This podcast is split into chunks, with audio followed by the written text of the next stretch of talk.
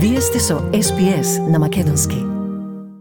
Францускиот председател Емануел Макрон по телефонски разговор со бугарскиот председател Румен Радев и со македонскиот премиер Димитар Ковачевски соопшти дека е подготвен да ги пречека во Париз кога ќе дојде време со цел да се склучи билатерален договор што ќе возможи отворање на преговорите за пристапување на Македонија во Европската Унија. Франција, која преседава со ЕУ до 1 јули, веќе неколку недели ја поддржува потрагата по решение за спорот меѓу двете земји, подсети Елисејската палата. Емануел Макрон во разговорите изразил својата целосна поддршка за договор меѓу двете земји, кој ќе придонесе за добрососедски односи и ќе ја консолидира европската перспектива на Македонија, но и целосна поддршка за договор меѓу двете земји, како и почитување на основните права на граѓаните кои изјавуваат дека припаѓаат на други земници или на малцинства, велат од Елисејската палата. Бугарија нема да прави ништо под притисок во врска со Македонија, изјави бугарскиот премиер Кирил Петков, коментирајќи го разговор на односите меѓу Скопје и Софија. Ништо нема да направиме под натиск. Ништо нема да правиме под притисок, изјави Петков, како што јави БГНЕС. Петков истакна дека Бугарија се обидува да види дали незините барања и потреби за поддршка на бугарите во земјава може да бидат гарантирани преку европскиот процес. Ќе оставам на Министерството за разборешти работи, затоа што тие преговараат токму сега.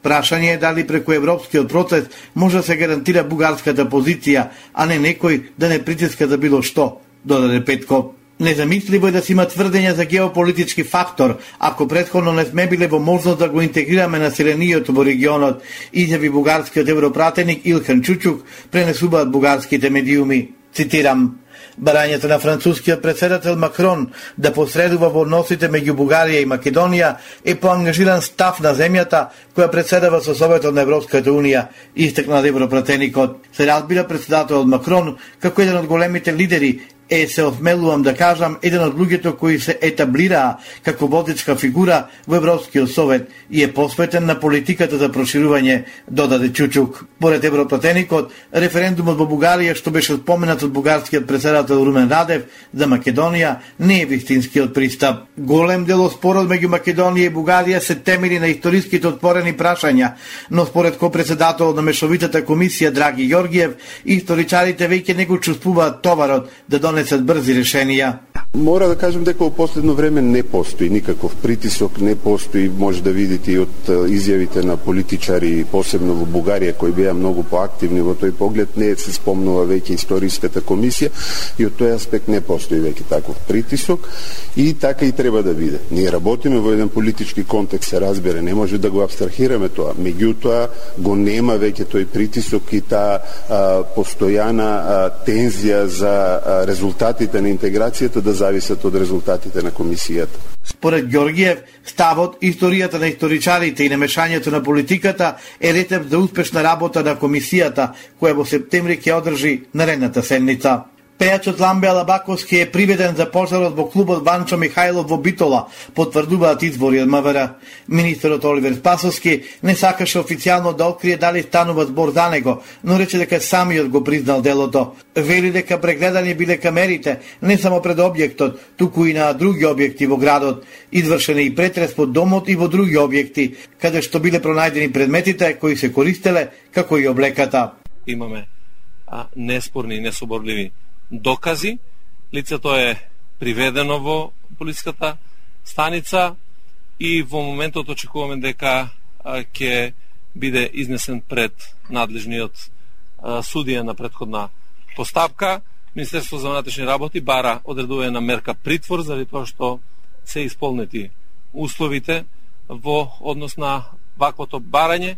Сепак јас би сакал да почекаме а, одлука на надлежниот суд. Поред избори од обвинителството, судија на предходна постапка му определил 8 дена притвор на Ламбе Алабаковски, осомничен дека го подметнал пожарот во културниот центар Ванчо Михајлов во Битола. Основното јавно обвинителство Битола поведе постапка против едно лице за кривично дело, предизвикување општа опасност од член 288, став 1 од кривичниот законник стои во сообщението постои основано сомнение дека пријавениот 34 годишник на 4 јуни во раните утрински часови со пожар предизвикал значителна опасност по имотот од големи размери.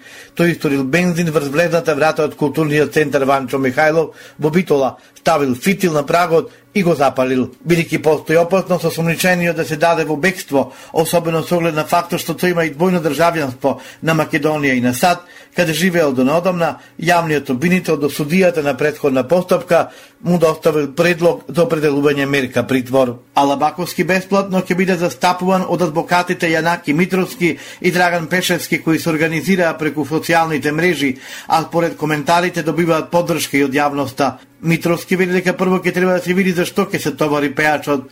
Поред информациите што ги обелодени МВР, Алабаковски ќе се товари за предизвикување општо опасност, зашто казанта ќе се движи од 6 месеци до 5 години. Што по моје скромно мислење нема простор од причина што по моите сознанија клубот бил во моментот затворен, внатре немало никој, што значи дека не е а, со самиот пожар не е предизвикана опасност а, спрема спрема никого, ниту па мислам дека е материјалната штета од големи размери за да може да се гони по тој член од кривичниот законник, а меѓутоа единствено што треба да одговара е по прекршок против јавен ред и мир од член 27, односно предизвикување пожар во а, во јавна зграда. Не гледам а, друг простор, сем ако не се оди на а, на линија на политички притисок, бидејќи нели ова се пак меѓународен инцидент, а, и само така би можел Алабаковски да заврши како обвинет.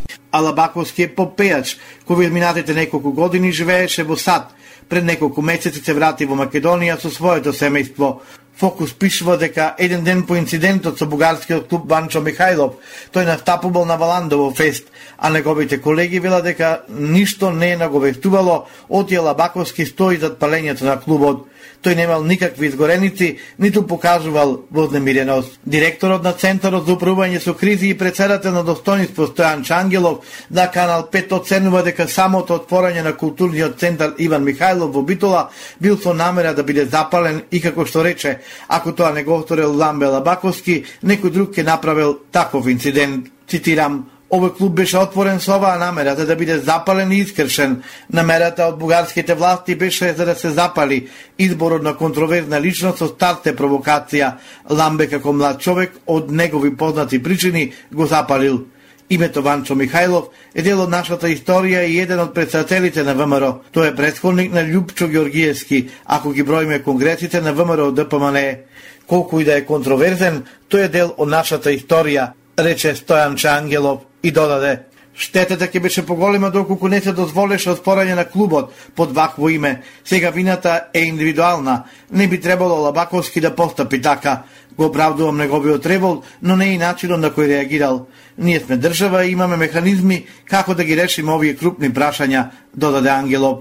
Премиерот на Бугарија Кирил Петков на официјалната фейсбук страница на бугарската влада го поздрави откривањето на сторител на палењето на културниот центар Иван Михајлов во Битола како што јави Мија од Софија, Петков им се да благодарил на властите во Македонија и на премиерот Димитар Ковачевски за ефективното постапување со што во најбрз можен рок го фатиле пироманот. Дефинитивно нема да подлегнуваме на провокации кои имаат за цел да ги саботираат односите со нашите соседи, пишува на Facebook статусот на бугарскиот премиер.